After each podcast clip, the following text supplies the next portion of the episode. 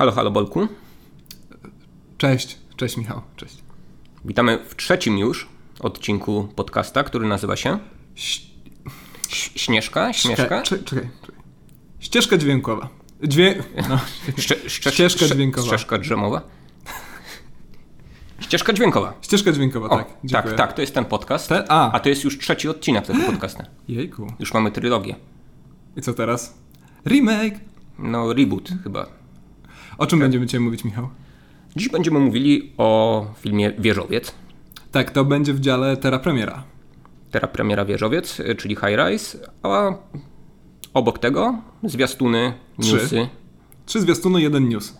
Ale jaki news? Najlepszy news. Boże, nie będzie lepszego newsa. Słuchajcie.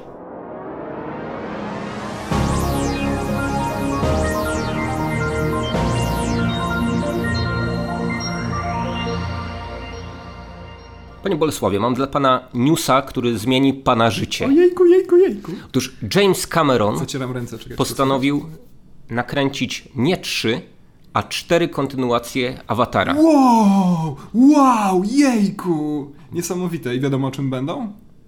No pewnie Nie. o tych niebieskich kosmitach. E, Czemu e, wydaje ci się, że James Cameron tak e, kurczowo trzyma się awatara? Bo oszalał? Po prostu zwariował. To ja może przedstawię swoją Osz, może, może oszalał od, od, od, od tych pieniędzy, które zarobił. W końcu jest autorem dwóch najbardziej dochodowych filmów w historii kina. No właśnie, ale wydaje mi się, że pieniądze e, nie wystarczą, żeby wyleczyć jego kompleksy. To jest też e, takie przesłanie dla naszych słuchaczy, że pieniądze nie są e, rozwiązaniem absolutnie wszystkich problemów, bo owszem, Avatar jest e, najwięcej zarabiającym filmem e, w historii kina, jasne, ale to jest film, o którym nikt już nie pamięta, jeżeli nie zajrzy oczywiście do rankingu najlepiej zarabiających filmów w historii kina. E, Pójdziesz na dowolny konwent, Michał, wiem, że bywasz w przebraniu, ale bywasz. Ale to właśnie na konwencie w Las Vegas James Cameron podzielił się tą wielką A może właśnie dlatego, że uderzyło go to, y, o czym teraz mówię. Idziesz na konwent i nie znajdziesz tam praktycznie nikogo, kto jest pomaćgany niebieską farbą i ubrany tylko w przepaskę biodrową, uzbrojony we Nikt się nie przebiera za Navi, nikogo nie interesują Navi. Świat Awatara to jest film i tyle. I ja sobie wyobrażam, jak James Cameron się piekli, kiedy ogląda to, co się dzieje, no, ch- chociażby z tymi odrodzonymi Gwiezdnymi Wojnami. Wyobrażam sobie, że on chciałby stworzyć film, który ma wielki wpływ na, na kulturę jako taką, a tymczasem zrobił film, który owszem wyciągnął nam kilka złotówek, czy dolarów, czy jenów y, z portfela i tyle, i zapomnieliśmy o nim.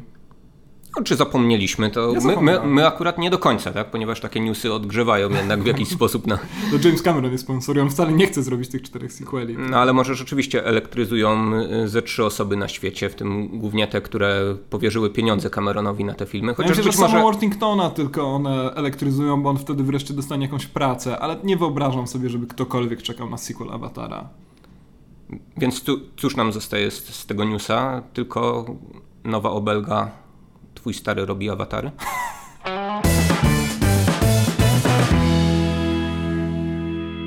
Panie Bolesławie, tradycyjnie obejrzeliśmy sobie kilka zwiastunów, no ale jeden zwiastun szczególny. Zwiastun spin-offa Gwiezdnych Wojen, Gwiezdne Wojny Łotr 1. Water 1, najlepszy tytuł na świecie, jedyny doskonały, znakomity, absolutnie nie należy się go czepiać, o czym później.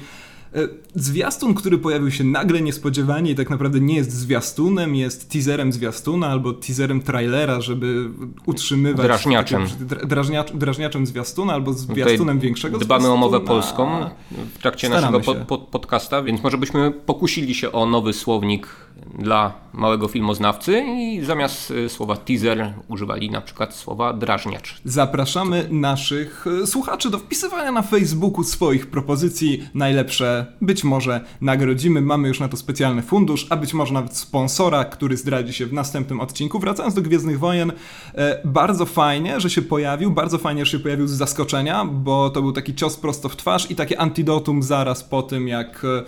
Jeszcze, je- jeszcze siedzi w tobie ten straszliwy Batman przeciwko Supermanowi, to tutaj, żeby cię uratować, zbawić, Kathleen Kennedy wypuszcza zwiastun Łotra 1. Bardzo mi się podoba ta strategia do rany przyłóż Disneya, w końcu to jest y, korporacja dla dzieci, więc fantastycznie znają się na dbaniu o innych.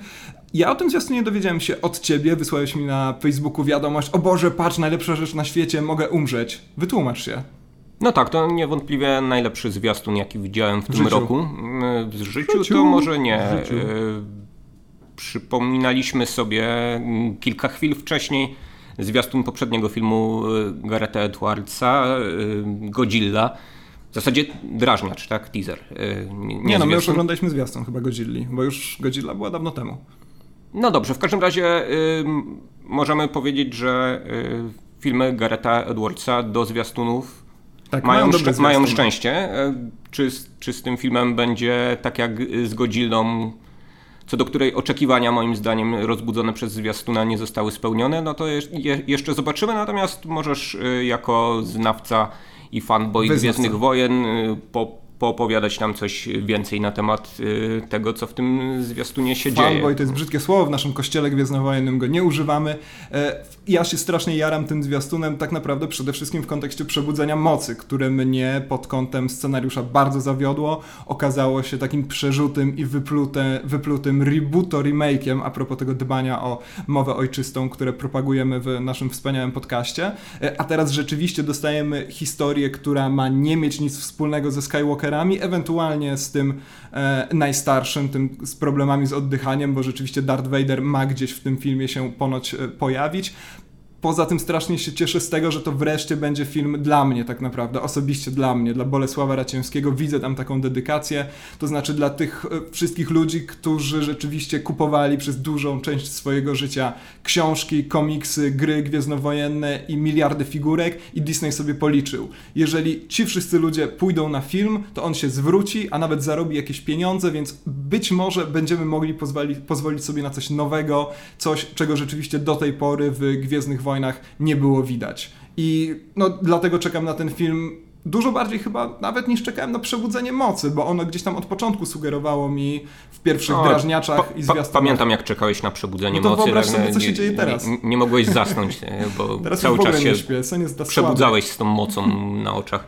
Ale to był film, który jednak w zwiastunach sugerował, że tam nie będzie żadnej ciekawej historii. On sugerował, że będzie takim typowym, za przeproszeniem, postplotem. Filmem postfabularnym, gdzie nie chodzi o historię, tylko w tym przypadku przede wszystkim o nostalgię i o to, żeby rzucić fanom X-Wingi i im to wystarczy. Teraz mam nadzieję, że rzeczywiście będzie fajna, dobrze napisana historia, zwłaszcza, że Felicity Jones jako e, Jyn Arso zapowiada się, zapowiada się kapitalnie. Podobała Ci się w tym zwiastunie? Michał, podobała Ci się, widzę, widzę to po Twojej twarzy. Wszystko mi się podobało w tym zwiastunie. Warstwa akustyczna mi się podobała niesamowicie. To, jak jest ogrywany nieśmiertelny motyw y, Johna Williamsa, to jest, to jest wspaniałe, ale to też jak właśnie szumią y, silniki y, statków kosmicznych, które rzecz jasna oczywiście odpowiednio warczą w kosmosie, co już No tak, da, dawno zostało skejtowane Wojny, przez, przez fanów Star Treka, Tak, tak. których opinia nas nie Tak, interesuje. dokładnie. Takie, Po tak, prostu nie interesuje takie bzdury tylko w tej bajce o y, machających y, mieczami różnych dziwnych postaciach, więc, Czarodziejach, tak. więc może, może tyle ode mnie na, na, na Już nie, nie, nie na autokompromitacji, tak? Pytanie, czy wróćmy do Garreta Edwardsa. Powiedzieliśmy sobie, że on ma świetne zwiastuny, ale troszkę słabsze filmy, to znaczy tych filmów było chyba dwa do tej pory, tak? Monsters i, e, i Godzilla. E, Oba rzeczywiście raczej przeciętne. E, O Garecie Edwardsie mówi się, zwłaszcza w kontekście Rogue One, że ma świetne poczucie czy też wyczucie skali, ponieważ był w stanie pokazać, jaka Godzilla jest wielka, no to idealnie nadaje się do tego, żeby pokazać e, Gwiazdę Śmierci, jaka jest wielka, choć nie jest już taka wielka, bo nowi fani Gwiezdnych Wojen to zobaczą i stwierdzą, pff, Star, Starkiller był przecież ile? 73,5 raza większy i do tego, żeby No, pokazać Gwiazdy Ad-Atra. Śmierci wymyśliliby coś O, nowego. Właśnie, Boże. Z kolei Gwiazda Śmierci. E, Z takich najfajniejszych nowości to chyba Donnie Yang, czy jakkolwiek się to czyta, przepraszam, czyli e, taka gwiazda sztuk walki, no nawet wyżej chyba w tym momencie niż Jet Li i Jackie Chan, zupełnie fantastyczny, bardzo efektowny em, ak- akrobata, przy tym całkiem niezły aktor. E, I tu mam takie dwa pytania. Po pierwsze, czy rzeczywiście dadzą mu coś pograć, bo przecież w Force Awakens, w Przebudzeniu Mocy, pojawiła się obsada Wright filmu, który jest kapitalnym popisem choreografii sztuk walki i co oni robili? Przyszli, powiedzieli trzy słowa do Hanna Solo, po czym zostali pożarci przez e, ratary, bodajże tak się te potwory nazywają. Po drugie, czy aktor rzeczywiście i choreograf jednocześnie będzie w stanie wymyślić na przykład jakąś nowatorską sztukę walki, e, o której byśmy mogli powiedzieć, że jest z kosmosu. No tak, nowatorskie sztuki walki mieliśmy już w twoim ulubionym filmie Mroczne Widmo. Jest Prawda? to, Gdzie, jest to jeden z moich, gdzie jest to, jest to po- mój szósty ulubiony film. pod, pod, pod tym względem ten film się chyba jednak jakoś tam bronił, tak? Ponieważ aktor grający Darta Maula, już nie Ray pamiętam jak dokładnie, też odpowiednio y, wywijał bronią białą. Y, No tak, a czy... To, to jest w ogóle problem y, wielkich blockbusterów. Czy znajdzie się czas i miejsce na to, żeby te wszystkie postacie dostały trochę do zagrania, a tych postaci pewnie będzie dużo w tym filmie, chociaż pewnie nie tak wiele jak y, w tej kanonicznej y, trylogii, tak, która. Bo, bo znowu Disney tworzy trylogię z tego co rozumiem, tak? Tak, no ós- premiera ósmej części się opóźniła, ale dostaliśmy y, premierę Rogue One niedługo, to znaczy no, za te 8 miesięcy. Więc być może spin-off będzie bardziej spójny fabularnie. Tak, Przez- to jest najważniejsze. nie jest ma być kontynuacji, nie ma być czegoś takiego jak, jak e, Water 2 na przykład. E, Równie dobrze pod koniec tego filmu wszyscy mogą zginąć, czego im oczywiście nie życzę, ale fantastyczne jest to, że rzeczywiście z tego co wiem, scenarzyści, którzy mają na koncie kilka naprawdę niezłych pozycji z mrówką Z na czele, to jest, to jest fajnie napisany film, jeżeli ktoś to jeszcze pamięta, mają tutaj dość dużą swobodę antyfranczyzową, to znaczy nie muszą dbać koniecznie o to, żeby rzeczywiście z tego filmu mogło się wykluć jeszcze siedem następnych, bo Disney już szykuje trylogię o Hanie Solo, pisaną przez e, Kazdana, pewnie będą filmy o Bobie Fecie i tak dalej, i tak dalej, więc być może rzeczywiście będzie tylko Water 1 i tyle. Nie będzie Łotra 2. Nie będzie Water 2. Teraz o tytule. Czemu Water 1 to jest bardzo fajny tytuł? E, Mnie bardzo wciąga ta dyskusja, która teraz e, przewala się przez polski internet, że Water powinien być Huncwot, powinien być Łobuz i tak dalej, bo fani Gwiezdnych Wojen przeszli już tę dyskusję w jakieś 15 lat temu, kiedy w Polsce zaczęły ukazywać się książki i komiksy z serii Rogue Squadron E, i rzeczywiście nie wiadomo było do końca jak to tłumaczyć. Było takie popularne telewizyjne tłumaczenie Eskadra Łobuzów, ale w rezultacie e, przyjął się ten Łotr. Uważam, że to jest e, kapitalne tłumaczenie, to jest piękne słowo. Łotr. Powiedz to Michał, Łotr. Łotr. Wo, wolę słowo Huncwot. Łotr, powiedz to tak, Powie- Łotr. O wiele bardziej mi się podoba Huncwot. Łotr. Nawet jak zapytasz Łotr. Łotr, ja mogę Łotr. powiedzieć Huncwot. O, widzisz, jak się, ładnie, jak, jak się ładnie rymuje. Poza tym Expanded Universe zostało skreślone jednym pociągnięciem pióra jakiegoś tam yy, Ale Rogue Squadron to nie jest Expanded Disney. Universe. Rogue Squadron pojawia się w e, klasycznej trylogii. Michał. Czyli nie zostało to odcięte przez Disneya? Nie, nie może, bo musieliby wyciąć fragment e, Imperium kontratakuje. E, To, co mi się nie podoba w tym polskim tytule, to to, że, część to, druga, że mamy... Spoko, zaraz przejdziemy do filmów artystycznych, na których ty się znasz. Nie, nie przejdziemy bez przesady, co to jest za podcast. Em, podoba, nie podoba mi się to, także dużo rzeczy mi się podoba, że zapominam, że powinno mi się też wiele nie podobać, że jedynka zapisana jest słownie i przez to rzeczywiście, kiedy widzimy ten napis e, gdzieś w, w, na, na monitorze, to chcemy wykrzyknąć Water 1, ale z drugiej strony wyobrażam sobie, że jesteśmy na tyle językowo ogarniętym narodem, że wiemy, że to może znaczyć też coś innego. E, Słyszałem też wczoraj... Wciąż brzmi to lepiej niż Bóg nie umarł 2. Tak. znowu Bóg znowu... Cholera, znowu nie umarł. E, ojejku. E, w każdym razie mm, usłyszałem wczoraj bardzo fajną podpowiedź, że być może ten film powinien nazwać się Kryptonim Water 1. E, no to oczywiście zależy od treści filmu, czy rzeczywiście będzie chodziło tu o kryptonim. No i nie podoba mi się to bardzo nieforemne stwierdzenie Gwiezdne Wojny Historie. To brzmi jakby ktoś przeżył, wypluł i naprawdę zupełnie się nie napracował. Czekam na remake Juliusza Machulskiego, który pewnie nazwie ten film Łotrów dwóch. Ja w ogóle czekam na remake całych Gwiezdnych Wojen. Także na przykład, żeby Gwiezdne Wojny, teraz zwane Nową Nadzieją, zostały rozbite na trzy części wzorem Hobbita. I Star Misja będzie się to nazywało. Tak? Nie. Drugi zwiastun przygotowany przez nas na dzisiaj to zwiastun filmu, który został ochrzczony na jednym z portali jako Dr. Dziwago. Daję temu dowcipowi 6 na 10, co wystarcza, żeby go używać. Michał, zwiastun doktora Dziwago dla ciebie. Ja przede wszystkim sugeruję dystrybutorom, żeby poszli za tym żartem i żeby stało się ciałem to tłumaczenie wspaniałe. Doktor Dziwago, no tylko, tylko u nas takie, takie tłumaczenie może zaistnieć i myślę, że tłumy, które nie chodzą na filmy z cyklu Marvel Cinematic Universe będą sz- szły na doktora Dziwago, mając w pamięci.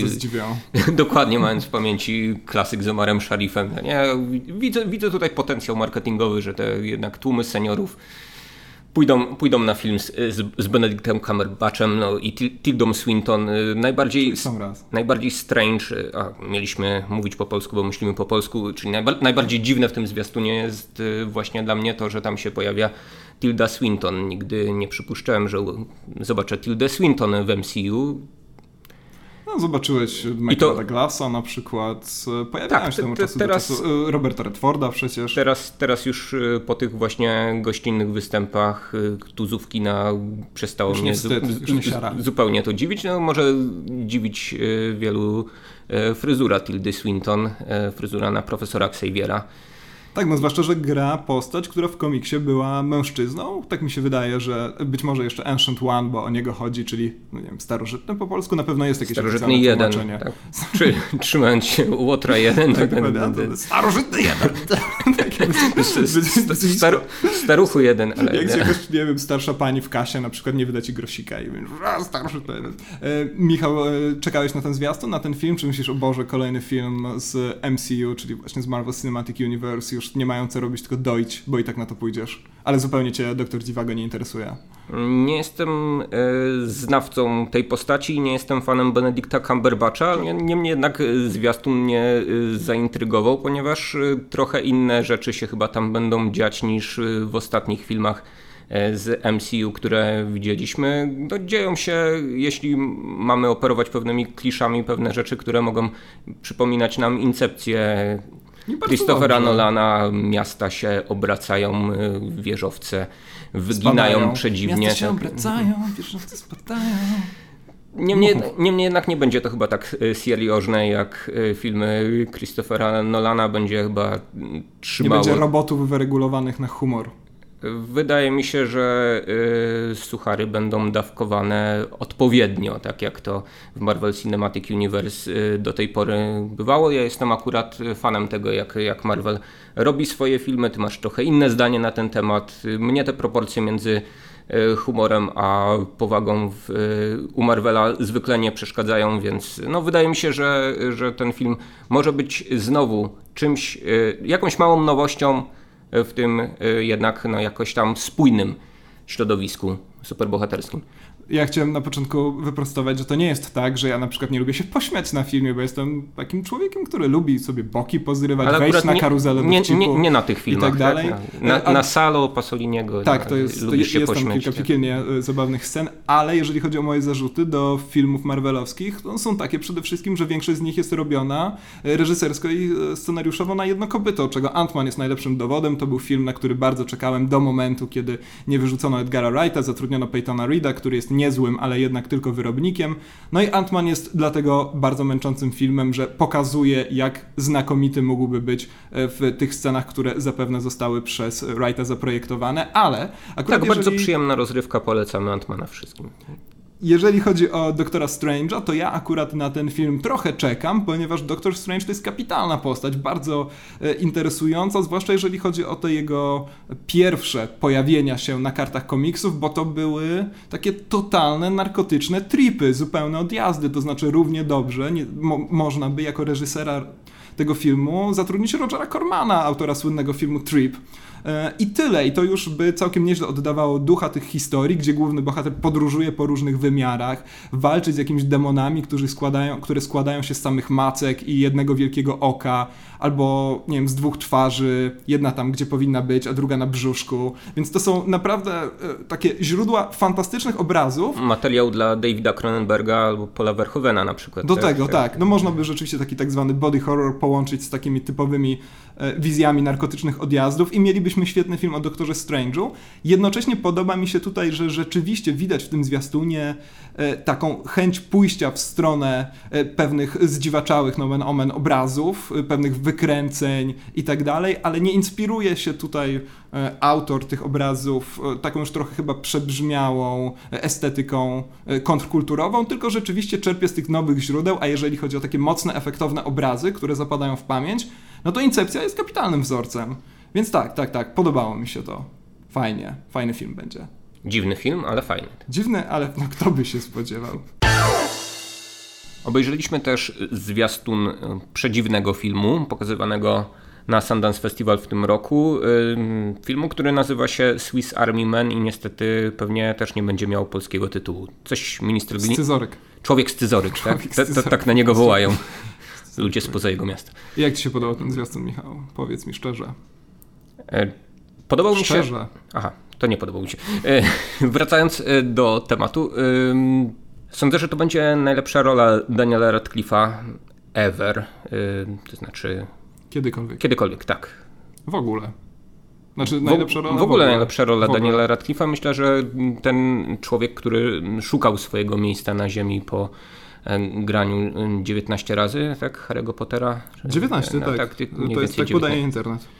Dokładnie. E, próbował różnych gatunków filmowych, próbował się odnaleźć w horrorze, próbował straszyć rogami, tak, albo straszyły go jakieś kobiety Albo w straszyć czerni. klatą e, w kolejnej adaptacji teatru Ekfusa, tak? Czy też Ekwus, nie wiem, czy to powinno się odmieniać. A tutaj myślę, że wykorzysta pełnię swoich niebogatelnych zdolności aktorskich, Grając odgrywając... pierdzące zwłoki. Dokładnie, nie inaczej. Ta, Przykro tylko, nam, że... Daniel, to jest prawda. Wiemy, że tego słuchasz, Tak. wiemy, że cię boli serce, ale to właśnie zrobiłeś, zdecydowałeś się na to. No tak, w zwiastunie widzimy, że y, zwłoki operowane przez y, Paula Dano, który ma być chyba odpowiednikiem Rona z Hogwartu, no to, to Ja, trochę... ja tro... jestem tak przerażony zawsze, jak widzę Paula Dano. On jest tak przerażającym człowiekiem. Nie masz dreszczy na plecach, kiedy już widzisz gdzieś Paula Dano? Nie idziesz sobie ulicą, a tu Paul Dano, nie padasz? Nie, No, tylko no, jak widzę Leo Massiego, to przypomina mi się Paul Dano Tak. i vice versa. Natomiast Paul Dano zbliża się do rekordu Gabriela Batistuty w reprezentacji. Leo Messi też świetnie gra w filmach. Tyle zabawy. E, Musimy ten film e, Iglesi o Leo Messim omówić po prostu i będziemy mieli ten temat z głowy. Dobra, wracam. Albo Paulu Dano, tak? Jak- Po- Pomylił się. Ej, ty miałeś być Lionel Messi, czemu tak? Mhm. Czyli Paul Dano nie grał w Harrym Potterze. Nie grał chyba w Harry Potterze. Znaczy on w wielu bardzo dziwnych filmach grał. To jest tak, że oglądasz jakiś film i nagle widzisz Paula Dano, nieważne co to jest za film. Dobrze, w każdym razie ten film trochę wygląda jak e, wyrzuceni z Hogwartu, nie uważasz? Albo absolwenci Hogwartu na, No to jest na przyszłość absolwenta Hogwartu. Mówimy to z ciężkim sercem, jako miłośnicy Harry'ego Pottera, ale niestety w ogóle się nie, nie, nie opłaca. Lepiej skończyć filmoznawstwo. Zarazem film, który jest pewnym rozwinięciem konceptu z Castaway, tak? gdzie Tom Hanks e, gadał z e, piłką. E, Ale to nie była do- piłka, z której uchodziło powietrze nagle. W taki nieprzyjemny sposób. No właśnie tam pan Wilson mu chyba nie pomagał w taki sposób jak tutaj. W ogóle, Da- Boże, jak to była Da- najbardziej bezużyteczna Da- Daniel Radcliffe, czyli człowiek scyzoryk, pomaga Leo Messiemu. No, Pomaga mu w jakiś y, przedziwny sposób, głównie używając swoich gazów i innych wydzielin, które się z niego Że wydobywają. go Więc, motywuje, żeby jak najszybciej uciec z tej wyspy. więc może być to zarazem najbardziej obrzydliwy film sezonu. No ale jednak y, zwiastuny odwołujące się do jakichś y, wyimaginowanych zapewne krytyków filmowych głoszą, że czegoś takiego jeszcze nie widzieliście. Znaczy wiesz, e, akurat Amerykanie mają tendencję do wycinania i mają do tego wszelkie prawo, jeżeli chodzi o regulacje e, prawne właśnie, do wycinania pewnych fragmentów e, z recenzji i umieszczania ich w przedziwnych e, kontekstach, więc jeżeli tam czytasz czegoś takiego jeszcze nie widzieliście, Boże, jakie to jest złe, no to ucina się to słowo przepraszam, to, to, to zdanie w połowie, wrzuca się pierwszą część i, i, i można coś takiego e, wsadzić do, do zwiastuna. Ja osobiście uważam, że ten film będzie okropny, ponieważ większość filmów, zwłaszcza niezależnych, które zawiesza się na jakimś nowatorskim, efektownym pomyśle, w praktyce nie wypalają, ponieważ no niestety większość tych amerykańskich reżyserów tak zwanych niezależnych, choć nie wiem na ile tutaj możemy mówić o niezależności, bo nie wgłębiałem się w kulisy produkcji, ale jednak zdecydowana większość z nich nie ma pojęcia ani o scenariuszu, ani o reżyserii i wydaje im się, że fajny, efektowny pomysł, który dobrze się sprzeda na YouTubie, jednocześnie jest dobrym pomysłem na interesującą historię. Niespodzianka, to nie wystarcza. Jestem przekonany, że ten film będzie fatalny. Nie, Będzie nie, jak to, za, za, zabawa trupem Daniela Radcliffe'a w żaden sposób cię nie interesuje. Znaczy, to- to na co, pewno co będzie- można zrobić z Danielem Radcliffe'em, gdy jest martwy? Dostajesz taki zestaw Daniela Radcliffe'a i możesz sobie robić z nim przeróżne rzeczy. Jestem przekonany, że ten film mógłby wykreować swoją własną markę y, lalek, na przykład ala Daniel Radcliffe, y, takich, takich lalek y, w skali 1 do 1, takich, y, które, które można byłoby taszczyć ze sobą przez miasto. Wiesz, jest taki przemysł przykład- już, no także to nie, nie byłoby coś nadzwyczaj nowatorskiego. Ale nie mówię o lalkach Harry'ego Pottera, mówię o takich Ja, te, lalkach ja też nie tylko- mówię o lalkach Harry'ego Pottera. Ale może będzie cała franczyza takie, tego typu filmów i rzeczywiście będziemy mieli kolejnego trupa z Harry'ego Pottera na przykład. Na przykład Robert Pattinson będzie w następnym filmie. No tak, tym bardziej, że żywe trupy cieszą się niesłabnością, niesłabnącą popularnością. Niesłabnością też się cieszą. Nie, niestrawnością się cieszą. Albo, albo, albo, albo nie na cieszą. pewno. No i obawiam się, że ten koncept y, żywych trupów będzie maglowany przez Hollywood i okolice w nieskończoność, aż do naszej niestrawności, tak? No właśnie, co jeszcze można wymyśleć w temacie o zombie? Ty jesteś kreatywnym człowiekiem, Michał. Sprzedaj mi pomysł nowatorskiego filmu o zombie. Porównaj go do czegoś. Powiedz, że to połączenie czegoś z czymś. Odkąd obejrzałem film Tromy Noc Kurczęcich Trucheł, y, obawiam się, że Klasyk! Jakby potencjał filmów o żywych trupach został y, wyczerpany to do, już do, do, do film, cna. nie? E, Tak, tak, No tak. właśnie, właśnie, E, właśnie, teraz Zatem no już od, od, od, od tamtej pory cóż możemy jeszcze wymyślić poza ożywionymi kurczakami? No, Czekamy na remake surferów nazistów. nie czekamy.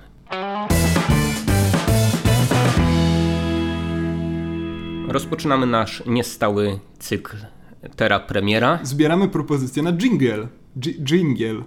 Można wysyłać i będziemy je wykorzystywać. Nie mamy żadnego, więc wyślijcie byle co wykorzystamy. Wbrew nazwie tego cyklu nie będziemy mówić o Beacie Szydło, będziemy mówić o premierach, które właśnie mamy, właśnie, właśnie mamy w kinach. Y, No i dzisiaj opowiadamy sobie nawzajem o Czekaj, filmie... ja się, ja się jeszcze śmieję. Ja się jeszcze śmieję.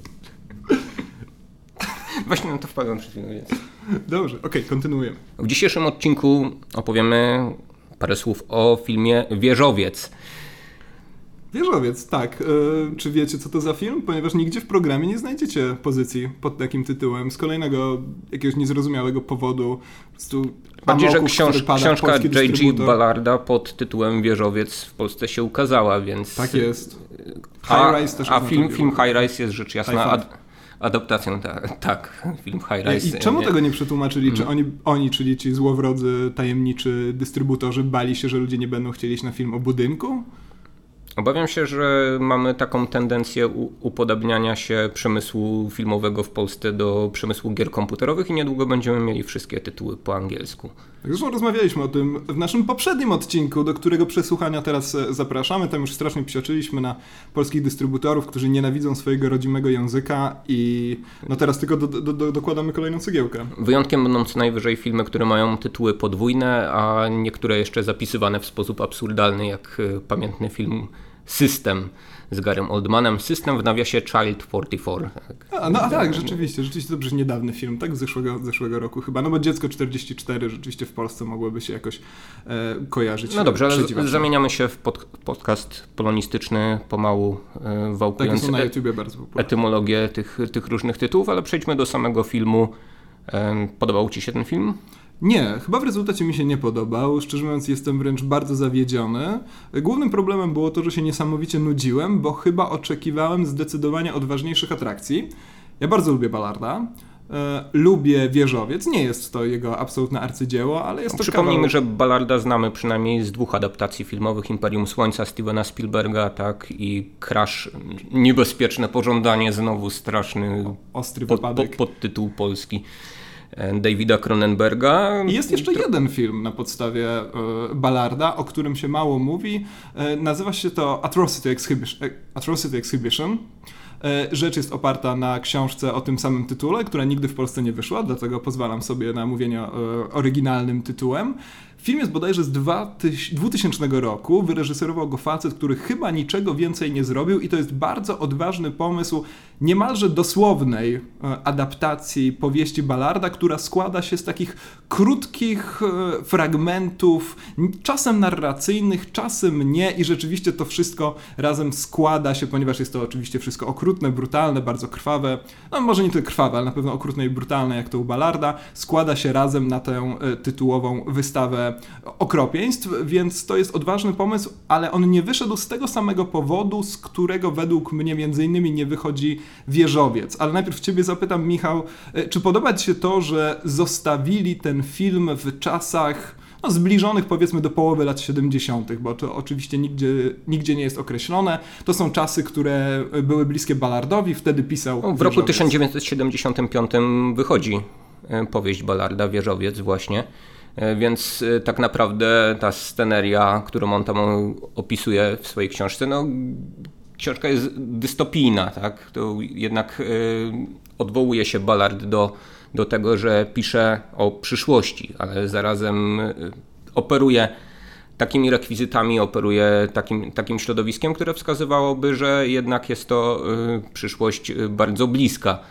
To jest dla Ballarda bardzo charakterystyczne, że te takie około dystopijne wizje czają się tuż za rogiem one być może już się nawet zaczęły, tylko gdzie indziej i niedługo wpełzną przez nasze drzwi. Dlatego spodziewałbym się po adaptacji Ballarda, że zostanie jednak przeniesiona do realiów zbliżonych do naszych. Tak, no, bardziej, że no, tutaj mamy do czynienia z takim bezczasem, tak? z pewnym zabiegiem, który nas dystansuje zupełnie, bo z jednej strony mamy scenerię wysokościowca, e, który jest bryłą modernistyczną, a nie zupełnie współczesnym budynkiem ze szkła i stali. Tam mamy głównie beton, e, konkret, czyli konkret, konkretny. Du, dużo konkretu. Du, konkretny jest to budynek, konkretną bryłę ma i y, wszyscy paradują w y, strojach z epoki lat 70. Tak, jest bardzo dużo bokobrodów w tym filmie. Y, mamy nawet szlagier Abby, co prawda E, odpowiednio przearanżowany przez Portishead, e, natomiast e, no, dystansuje to nas jakoś do tego świata. Wydaje mi się, że w ogóle kino Bena Whitleya, o czym może za moment jest takim kinem, które operuje pewnym dystansem do, do bohaterów tam występujących. Nie wiem, nie, wydaje mi się, że ten, że, że, że, ten pomysł rzeczywiście nie był zbyt dobry, że mm, lepiej by ten film wyglądał, gdyby go osadzono E, w czasach bliskich współczesności, albo no, ta dystopijna przestrzeń zaaranżowana byłaby trochę inaczej. Tak, to jest zdecydowanie fatalna decyzja, tylko dokończę ten wątek e, o Atrocity Exhibition, że tam rzeczywiście mieliśmy do czynienia z dosłowną adaptacją, to znaczy te same popkulturowe odniesienia, z których korzystał Ballard, zostały wykorzystane przez reżysera i dlatego to totalnie nie grało. Tu jest tak samo, zwłaszcza, że ten film jednocześnie, i mówię tu już o, o, o wieżowcu, o High Five, e, stara się być satyrą społeczną, ale taką no, nakreśloną bardzo jaskrawym mazakiem. Tak, I u Ballarda jednak było to zdecydowanie delikatniejsze. Ja rozumiem, że takie ciągle, mu, ciągłe mówienie, książka, książka była lepsza, była lepsza. prawda, jest taką brzydką strategią krytyczną, ale jednak to jest taki rozdźwięk, który bardzo mi się rzuca w oczy. Że ale może Ballard w skrócie dużo delikatniejszy. Powiedzmy, o co chodzi w tym filmie. Ponieważ, tak, wszyscy, wszyscy słuchacze pewnie jeszcze tego filmu e, nie widzieli. Jakieś drobne spoilery mogą się u nas e, pojawić, natomiast chyba nie będziemy z tym jakoś bardzo przesadzać. E, doktor Lang jest głównym bohaterem, wprowadza się e, do tego e, tytułowego wieżowca, którym to zajmuje miejsce gdzieś.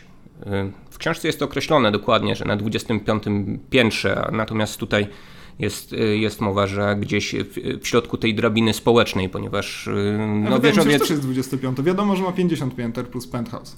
Chyba ten 40 miał w książce. Ale to mówię teraz mhm. o, o. No w, każ w, każdym razie no, wieżowiec jest jasną metaforą drabiny społecznej i na samej górze mieszka jego architekt, y, na dole mieszka plebs, czyli Alfred ro, rodziny wielodzietne.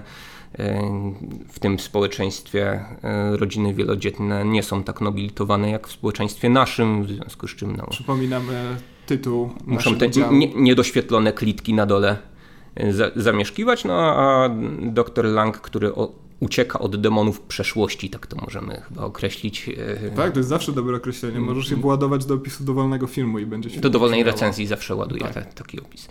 E, zamieszkuje właśnie gdzieś, gdzieś po środku, no i obserwuje powolną degrengoladę tego, co go otacza. W takim wymiarze dosłownym, ponieważ e, degeneruje się tam środowisko mieszkańców, degeneruje się cała ta tkanka y, budynku, no, która jakoś reprezentuje społeczeństwo, tylko no, pytanie, jakie społeczeństwo dzisiaj jest reprezentowane w tej adaptacji Ballarda, czy w ogóle możemy się utożsamić z mieszkańcami tego wieżowca, czy ta satyra no, jest jakoś y, aktualną satyrą społeczną.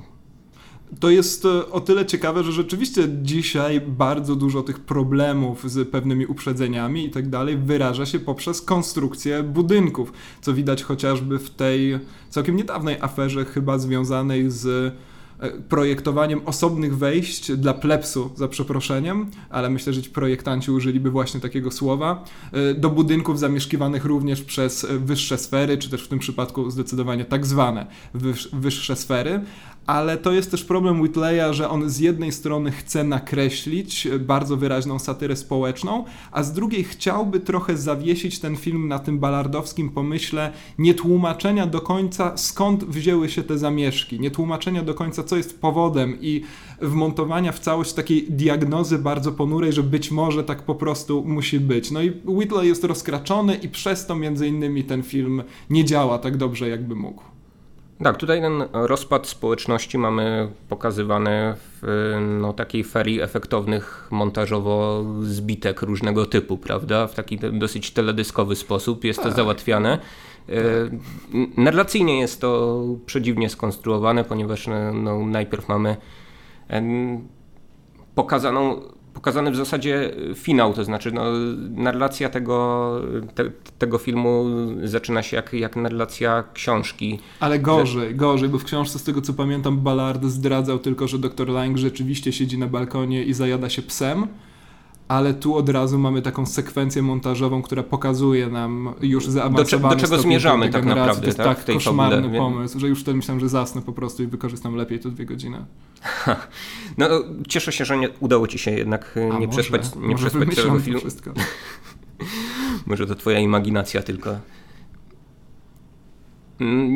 Niemniej jednak, e, no właśnie, czy tego typu zabieg narracyjny nie jest jakby główną przyczyną tego, że ten y, film nie wyszedł? To znaczy to, że na samym początku pokazujemy tak naprawdę do czego zmierzamy, do tego pojawia się y, narracja z OFU, czyli y, no, jakby nieśmiertelny pomysł, czy w zasadzie brak pomysłu na pewne, na pewne ro, adaptacyjne tak, z rozwiązania. Z pewnym takim, za przeproszeniem, bo znowu sięgnę po obce słowo, twistem, ale on już na tym etapie filmowym, kiedy go poznajemy, jest już tylko denerwujący. Tak naprawdę, kiedy dowiadujemy się, że to nie do końca jest tak naprawdę narracja prowadzona gdzieś tam zupełnie e, z zewnątrz.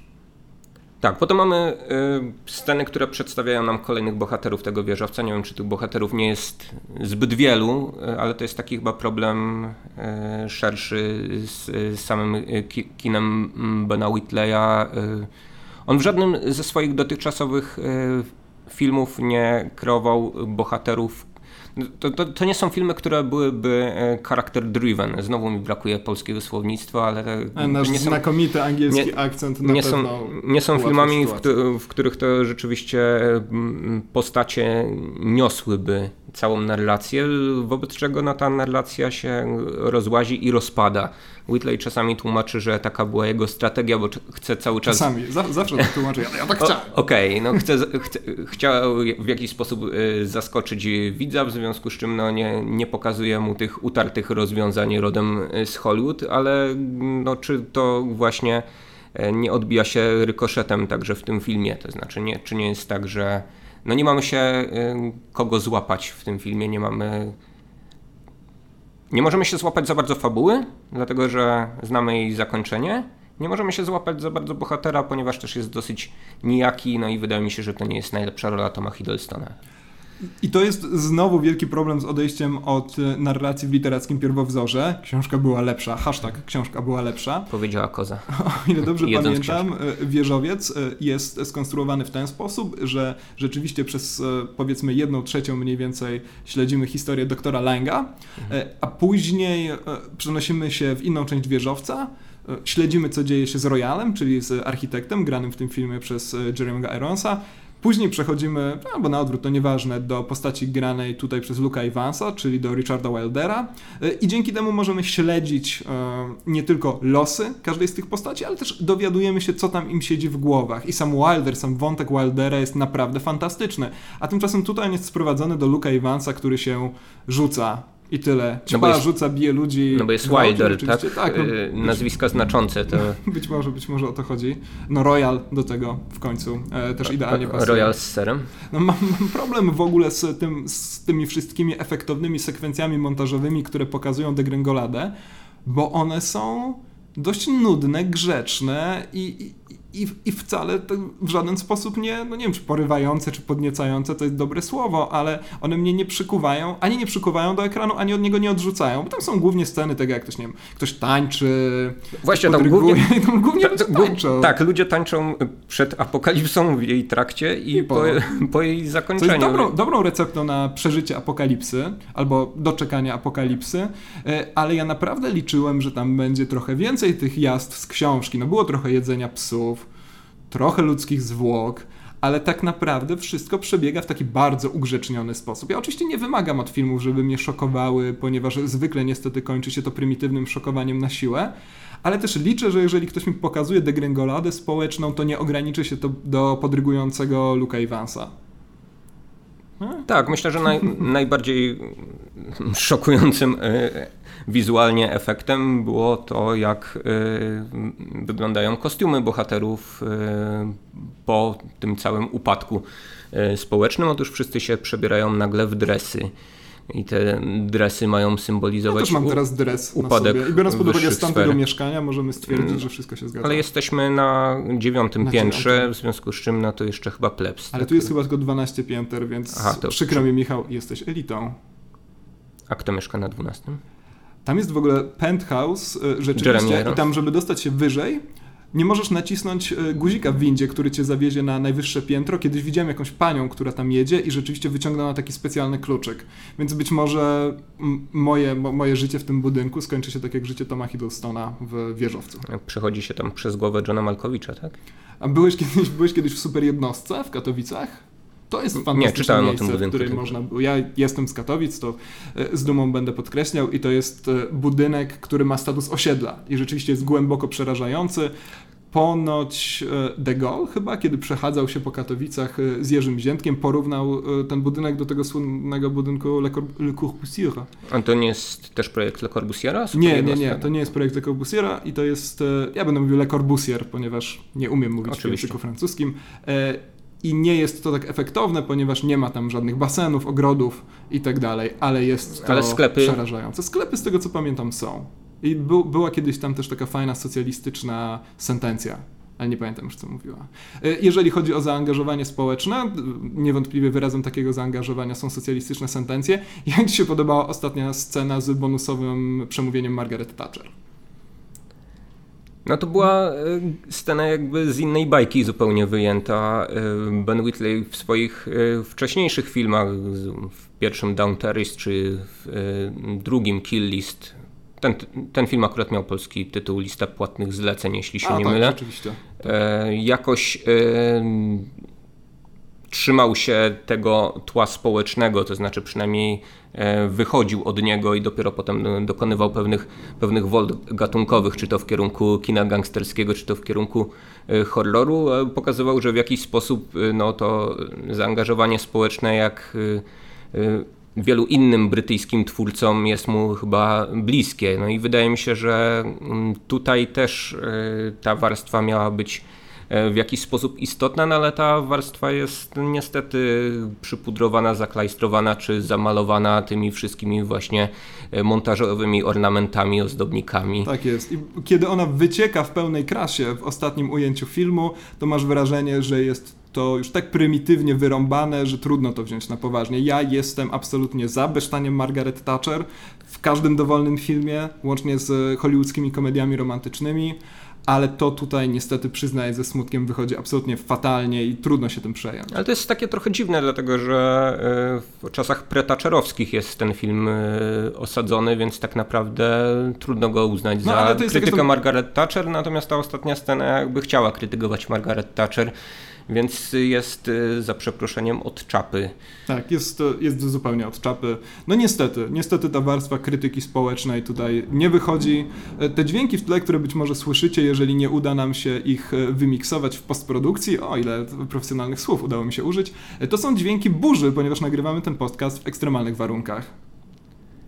Tak, może nie w tak ekstremalnych, jakie w wieżowcu ballardowskim e, Tam chyba nie istniały. ma zmian pogody. Jeszcze, jeszcze nikt się nie dobija e, do nas, do drzwi, żeby nam ukraść pozostałe e, w lodówce jedzenie. Natomiast e, rzeczywiście burza się dobija.